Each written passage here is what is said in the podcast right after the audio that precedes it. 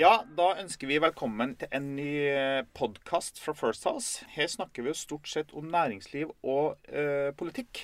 Men i dag har vi med oss eh, en svært prominent skal jeg si, gjest. I hvert fall for, eh, for veldig mange av oss som eh, har vært eh, ung på 80- og 90-tallet. Eh, Stinge Bjørneby, tidligere eh, landslagsspiller for Norge og eh, profesjonell fotballspiller for Liverpool i Premier League og i Rosenborg. Og nettopp avgått sportsdirektør for Rosenborg. Velkommen, Inge. Tusen takk. Vi er jo en podkast som liker å snakke om ting som er litt eh, som er veldig viktig. Og jeg eh, har lyst til å sitere jeg tror det var pave Johannes Paul som sa at av alt det uviktige i verden, så er fotball det viktigste. Jeg vil sløyfe det uviktige og si at det er det viktigste. Hva syns du? Er fotball eh, viktigere enn andre ting i livet, eller er du sånn som eh, person at du syns at det er andre ting som er viktigere enn det som, eh, som du sjøl har levd av og gjort? Er litt begge deler. Jeg, jeg har jo som sagt levd av det og forholdt meg til fotball hele livet. Så for meg har det jo vært viktig, men samtidig også uviktig. Jeg tror eh, grunnen til at jeg har klart å motivere meg så mye for fotball så lenge, og fortsatt gjør det, er at jeg også har hatt andre ting å um, sysle med. Så jeg har vært litt avhengig av å hente motivasjon fra andre arenaer, fordi fotball kan jo bli smalt hvis man bare skal forholde seg til det. Men samtidig så er det jo en grunn til at det er verdens største idrett. Ja. Det, det fenger globalt, og det er um, veldig mye lidenskap. Mm. Og det, Det i. det handler om, det handler om følelser, og det, jeg tror du kan knytte det litt til livsløpet, egentlig. Det, det handler om forsvar og angrep, og det handler om å overleve, og det handler om å skape ting sammen med andre, og det handler om å klare å stå i det på egen hånd også. Så det er nok en eh, relasjon som er litt ubevisst for folk flest, men som i bunn og grunn gjør at du får en så følelsesmessig sterk tilknytning til spillet og til klubben din, og det er kjærlighet og emosjonelt. Men da kan vi være enige om at fotball er viktig. Selv om det er ting som er selvfølgelig er viktigere, så, så er fotball viktig. Vi må jo være enig i det. Ja, fotballen er vel den eneste idretten som har forårsaka krig, Ja, blant annet. Så, så sånn sett så er det Det har, det Det var veldig- El Salvador og, og Honduras, var ikke det? Ja, det, det har jo vært flere tilløp. Og eh, det, det, man må nok kunne si at fotball er viktig. Vi skal snakke litt om eh, karrieren din, fordi at jeg må jo bare innrømme det at jeg er jo eh, virkelig en eh, fotballidiot. Og Det er sjelden jeg blir starstruck, men når jeg møter sånn som deg, så blir jeg starstruck. Altså, altså Nordmenn som har spilt for Liverpool. Jeg har jo holdt med Liverpool siden jeg var åtte år gammel. Alan Hansen, Kenny Daglish, Ja. Peter Beardsley. Plutselig var Sting Inge Bjørneby der og gikk gjennom porten på Anfield Road. Mm. Det var er vi tilbake i 1992, hvis jeg ikke husker helt feil. Ja. Jeg tror jeg var på den siste kampen du spilte for Rosenborg. Det var cupfinalen mot Lillestrøm, var det? Mm. Ja, Det det, var fra 92. ja da skåret, når du skåra 3-2-målet, var det? Du skåra mm. på overtid, var det? Ja, i hvert fall nesten. Med venstrefoten, selvfølgelig. Ja, ja. ja, ja. Men hvordan var det å komme til For det var den gangen i 92, akkurat som nå, faktisk igjen, så var vel kanskje Liverpool en av de beste klubbene i verden. I hvert fall den største klubben, kanskje. Og i hvert fall for oss nordmenn. Mhm. Hvordan var det å komme til en så stor klubb og være fra Norge? Det var jo skummelt. Det er klart, På det tidspunktet så var jeg jo etablert landslagsspiller, og jeg var på et visst nivå sånn sett. sånn at jeg hadde jo ikke det forholdet til det som mange tror, at det var en barndomsdrøm som gikk i, eh, gikk i oppfyllelse. Det, det var mer realisme i det, i og med at du var på et eh, høvelig nivå fra før. Så så du var veldig bevisst på det nivået du var på? Det var ikke sånn at wow, herre var eh, hva som skjer nå? Nei, jeg var eh, profesjonell på det tidspunktet. Jeg hadde, hadde spilt på landslaget noen år og, og var jo på, visste på at jeg holdt et, et visst nivå internasjonalt. Sånn at helt utopisk var det jo ikke, men det at det var Liverpool som, som henta meg fra Norge, det var jo litt spesielt fordi jeg var også Liverpool-supporter. Ja, du var det, ja. Så bra. Da jeg var eh, seks år gammel. Så jeg har to forhold til Liverpool. Det ene er det profesjonelle. Og alt det som medførte med å være der i åtte år osv. Og så har jeg det mer emosjonelle, som handler om en viktig del av barndommen. Viktig del av mitt forhold til min far osv. Hvor vi så tippekampen sammen, og det var høy, høytid hjemme hos oss på lørdager. Og jeg, jeg, jeg, en av de sterkeste erindringene jeg har fra barndommen, var jo På den tiden så var det sånn at eh, den eneste tilgjengelige opplysningen jeg hadde om engelsk fotball, var Østlendingen på lørdager. hvor de hadde en liten rubrikk øverst i høyre hjørne på sportssidene. Ja. Hvor det sto hjemmelag og bortelag i tippekampen klokka fire. Ja, ja. Så jeg sto opp tidlig på lørdag, sprang ned i postkassa for å få tilgang på den informasjonen. Og hvis det da var Liverpool, så er det et av de kanskje sterkeste barndomsminnene Ja. jeg har. For det var, en så, det var en sånn glede over det. Kunne bare, Kan kjenne meg igjen i det. bare gå og vente til klokka ble fire. Vi skal tilbake til, til det med Liverpool. For, det, for oss som var veldig som sagt, interessert i fotball på 90-tallet, så, så, så har jeg jo en del spørsmål knytta til både managere og treningskultur og litt forskjellige ting som, for, som du har lest om. Men har du fortsatt det forholdet til Liverpool at du kan kjenne at du blir glad når de vinner fotballkamper? Ja, definitivt. Eh, så kjenner jeg litt på begge deler. Det som jeg sa, altså jeg kjenner litt på det at jeg har vært her selv som Mm. profesjonell utøver, og at uh, det å lese at Liverpool er på toppen av tabellen osv., det, det er jo det er barndomsminnet Mm. som er, som er sterkt. Så, så jeg har egentlig fylt opp hele registeret med et forhold til Liverpool. Så du som meg, da, du, når, du, når Liverpool i 17. mai er seriemestere så i Premier League for første gang siden 1990, så, har du, så kjenner du glede ved det, for å si det sånn? Jeg tror hun blir seriemester før 17. mai. ja, det håper jeg òg. Uh, ja. Ja. Ja, nei, har noen, vi har noen kollegaer her som har bestilt seg tur til Liverpool den 17. mai, for de skal være der og feire. Så uh, folk er jo gale, nesten, vil jeg si. Det blir større parade i Liverpool enn det gjør i Karl Johan den 17. mai. Ja, det tror jeg. Det har jeg en mistanke om, jeg òg. Men hvis vi går tilbake igjen til når du kom til Liverpool. Da hadde du hatt Nils Arne Eggen, som er jo kanskje den største fotballtreneren, legenden, som har vært i Norge noen gang. I hvert fall ingen kan på klubbnivå måle seg med, eh, med Nils Arne Eggen. Du har jo hatt Drillo, som òg er en legende. Men, men hvordan var overgangen fra ha Nils Arne Eggen til Graham Sunnes, som da var en Liverpool-legende, men som liksom kom Han er jo for oss Liverpool-supportere så er han jo kjent for han som ødela Liverpool fotballklubb på 90-tallet, og ikke den som bygde Liverpool fotballklubb. Eh, Ja. Hvordan var det? Jeg må huske på spillekarrieren hans, for han, han var en stor Ja, ja, han var en fantastisk spiller. Eh, altså, England er jo konservativt, veldig konservativt. Og det var jo på den tiden jeg flytta dit tidlig på 90-tallet, også sånn sett ikke veldig eh, langt fremme på fotballpedagogikk og coaching og den type ting. Ledelse. Sundnes var jo old school, som for så vidt Liverpool på mange måter alltid har vært. Med Shankly og Mm. Det var samhold og team, team spirit og bootroom og eh, sånne type ting. Det er klart, eh, i løpet av de ti årene, eller tolv årene faktisk, som jeg var i England, så skjedde det mye på den fronten. Mm. Altså innenfor eh, fysiologi, innenfor pedagogikk, innenfor treningsledelse. Så jeg var jo med på en veldig interessant reise og en viktig epoke for engelsk fotball, Mm. hvor de, hvor de utvikla seg mye.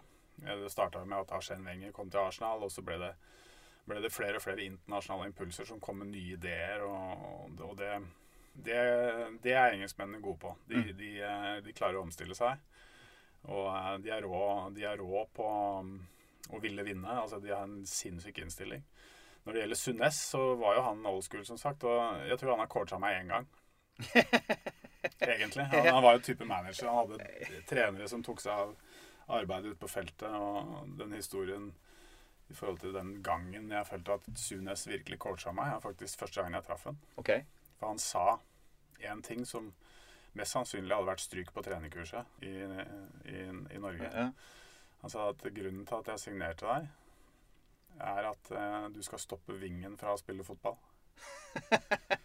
Men det som faktisk skjedde, da, var at eh, det var jo såpass spesielt å komme dit og treffe meg. Bare for, å si, bare for å si til dem som ikke er helt oppdatert på fotball. Du var jo venstreback, Ja. og wing er jo den som er angrepsspilleren Ja. på motstanders lag på den sida du spilte på. Det som skjedde, var at jeg oppfatta det som en klar og tydelig beskjed Mm. og en bestilling. Så på hver eneste trening etterpå, Mm. hver eneste kamp jeg spilte, så konsentrerte jeg meg om å stoppe vingen fra å spille fotball. Det var det første, første oppgaven jeg skulle ta hånd om. Og da, da kom alt det andre av seg sjøl, bare jeg fikk løst den oppgaven først. Så, jeg, Så John Barnes hadde ikke noen gode treningsøkter når Inge Bjørneby var på hans side? Ja, det var min oppgave. Ja. Jeg følte det som min oppgave. Og det er jo ofte sånn at uh, hvis man går inn i en eh, kamp med ti ho hovedarbeidsoppgaver i huet, så kan det bli litt kaos. Ja. Jeg konsentrerer meg om det første først, og så kom det andre etter hvert. Ja, men du var jo Du hadde jo en fantastisk karriere. Du var jo på årets lag i Premier League. Altså, Det er ikke mange nordmenn som har vært på årets lag i Premier League. Er er det noen andre enn du som har vært det? Ikke så vidt jeg vet. Nei? Det, det som er gjevt med den PFA-kåringa, som det heter, da, det er jo at eh, det er jo spillerne på de andre laga som Kårer. ja. sin beste elver. Mm. Så, og det er, eh, det er gjevt. Mm. Det, det må jeg si. Men du, du kom da altså fra Nils Arne Eggen, der eh, jeg oppfatter i Rosenborg, der, der det var ordning og reda, der det var veldig klare retningslinjer. Altså, For den som er opptatt av ledelse, og det er jo mange av lytterne våre som er, så, så var det en, en, en leder, Nils Arne Eggen, som var veldig tydelig på både hvordan, hvordan alle rollene på banen skulle utøves, Mm. og hvordan de skulle skje i samhandling med hverandre, og Mm. trena veldig mye på det. Mm, mm. Så kom du til Liverpool, der Mm. det var litt sånn Den eneste oppgaven din var å stå på vingen. For å sette litt på spissen, så, så var det faktisk litt sånn. Og engelsk fotball var jo den gangen, og delvis nå også, litt survival of the fittest. Mm. Du, du, du må ha en eh, sterk syke for Mm. å vare. Mm. Uh, det er mange som har vært i Premier League og booka under ganske tidlig. Uh, men du må stå et løp og venne deg til det. Det går en del fortere enn det jeg var vant til. Forholdene er litt større. Ambisjonene, uh, historikken, forventningene, presset osv. Og, så og den skolen jeg har gått der, gjennom det å ha en såpass sterk indre dialog at man kan håndtere de utfordringene uten å få altfor mye hjelp og støtte eh, i, i, i dette her. Da. Så er nok det en styrke som du bærer med deg resten av livet. Du tåler noen støyter, og du eh, tåle litt motgang. Og Du, det var tøft rett og slett å komme dit og, og være helt på din egen hånd, og ingen hjalp deg. Og... Ja, det tror jeg. Altså, jeg var tre, jeg, jeg var 22 når jeg flytta. Så det er en del ting som skal tilvennes. Mm. Eh, ny kultur og helt andre krav. Altså helt andre forventninger. Mm. Eh, det er krevende, men Mm. det, er jo, det er jo Jeg ville ikke ha bytta den utdannelsen med noe annen utdannelse. Nei, men det forstår jeg godt. Jeg hadde øh, kappa meg venstrefingeren for å få gjort det samme som deg. Du hadde forskjellige trenere. Du hadde Graham Sunnes, du hadde Nils Arne Eggen, du hadde Drillo, øh, du hadde Roy Evans. Hvem er den beste treneren du har hatt? Altså, jeg eh, Gjennom en lang karriere så er det ofte sånn at man kan klart skille på det. Og jeg tror også at mange, mange spillere som har vært på en sånn reise som jeg har vært, har tidvis vært motstander av enkelte trenere og til og med gått litt i bresjen for å få dem vekk. Jeg bygde nok eh, min filosofi litt annerledes og, og prøvde å jobbe med alle trenerne jeg har hatt. Jeg har, jeg har hatt gode og dårlige trenere. Det hatt. Nils Arne er jo spesiell. Mm. Fordi? Eh, Jo, fordi at eh, han har en Han har en karakter og en eh, type lederstil som for så vidt også er definitivt krevende. Men uh, veldig interessant hvis man kan uh, kan forstå den. Mm. Ikke alle gjorde det heller, Nei. for han er tøff. Men han er veldig oppbyggende. Han har en eller hadde en spesiell måte å stille krav på, Mm. som virka veldig brutal. Men så hjalp han deg veldig etterpå. Men hva var det kravene, da? Nei, det eh, kommer litt an på hvilke Det var, no, det var noen som sa, som sa det at uh, det første Nils Arne Eggen gjorde når det kom nye spillere til Rosenborg, det var å bryte dem helt ned, så de, så de skulle skjønne at her var det bare kollektivet som gjaldt. Og det de hadde lært seg før, måtte de avvennes før de på en måte ble lært opp på nytt igjen. Ja, og det kan være ganske brutalt. Ja, det, det tror jeg er riktig, og det, og det er brutalt. Men han gjorde det ikke bare for så vidt når du kom til klubben. Han gjorde det litt begge deler hver dag. Han, eh, altså, jeg tror nok at eh, om det var bevisst eller ubevisst, så hadde han en såpass tydelig måte å stille krav på at det kunne virke eh, både brutalt og litt nedbrytende. Men han var veldig rask med å bygge det opp igjen. Det er i hvert fall eh, mye historier, mye Jeg vet ikke om det er myter om eh, Nils Arne Eggen, men han hadde i hvert fall noen helt fantastiske resultater som vi ikke er i nærheten av nå. På slutten av 90-tallet så var kanskje Rosenborg bedre enn Liverpool. I hvert fall var de ganske jevne. Jeg vil si at det var jevnt. Ja. I dag er Liverpool eh, verdens beste fotballag. Tror vi kan si det. Ja. Ja, de vant i hvert fall VM for klubblag. Og det har vært reise for Liverpool òg, etter at de har tapt hegemoniet sitt. Mens Rosenborg, derimot, der du kommer fra nå, har problemer med å eh, konkurrere på europeisk nivå. Eh, var det 15 år på rad? var, nei, Rosenborg var i Champions League? Noe, sånt, noe sånt. Hvorfor har den utviklinga gått sånn som den har gjort? Det henger først og fremst sammen med at uh, internasjonal fotball har hatt en helt enormt brutal utvikling på um, de siste 15 åra innenfor uh, økonomi. Mm.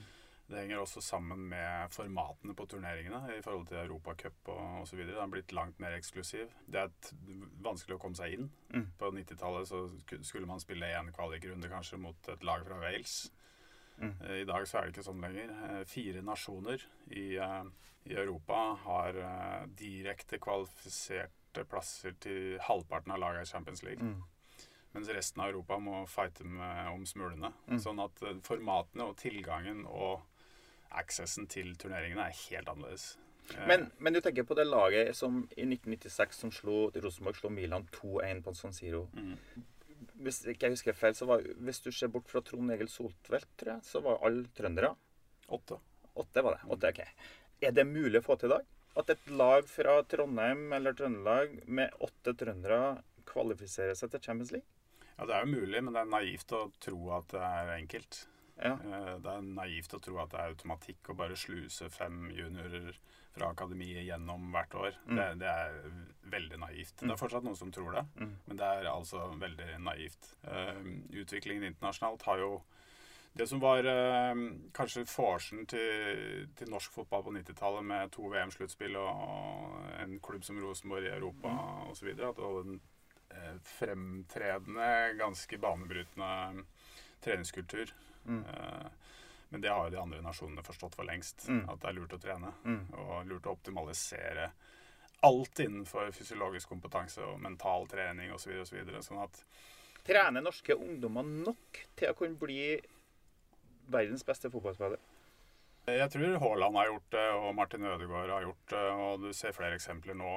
Vi har en fin generasjon som kommer opp. Så det, det er jo sånn at det, det, er jo ikke plass til noen flere landslagsspillere. Det er fortsatt elleve som skal starte disse kampene. og det, det, er jo ikke, det er jo ikke inflasjon i antall mm. plasser i europeisk fotball heller. Mm. Så det er jo fortsatt sånn at de beste blir best. Mm. Og Norge nå, har nå en generasjon eller to oppe hvor det er flere som hevder seg på internasjonalt toppnivå. Det, det vil få en effekt på neste generasjon igjen. sånn at eh, jeg håper nå at det, at det er en bølge med flere som forstår hva som må til. Men eh, et av faremomentene i Norge er at vi, vi har det ekstremt godt. Mm. Og vi trenger strengt tatt ikke å lykkes som fotballspillere for å få det bra her i livet. Kommer å, vi kommer til å seile brukbart gjennom uansett.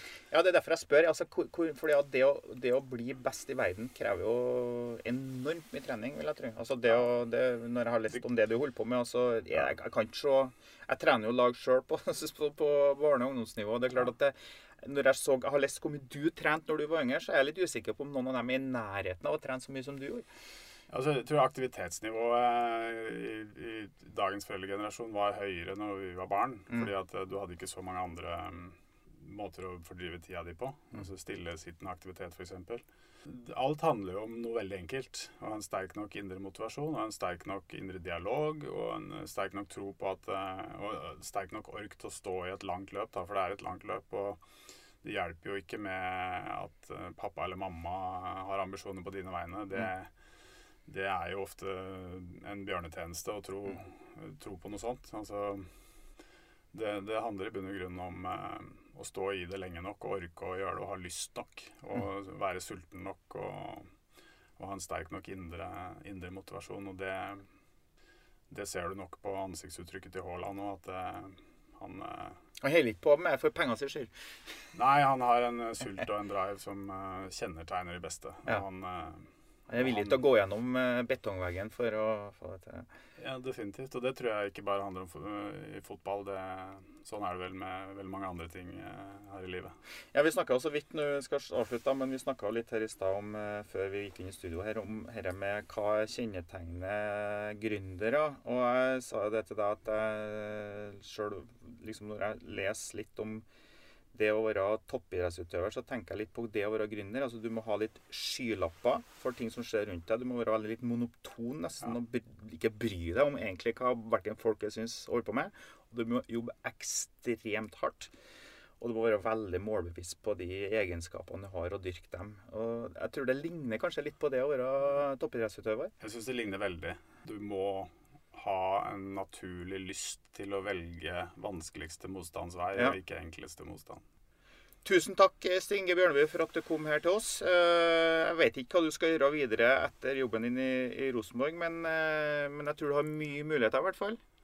Det tror jeg òg. Ja, bra. Takk for eh, oss.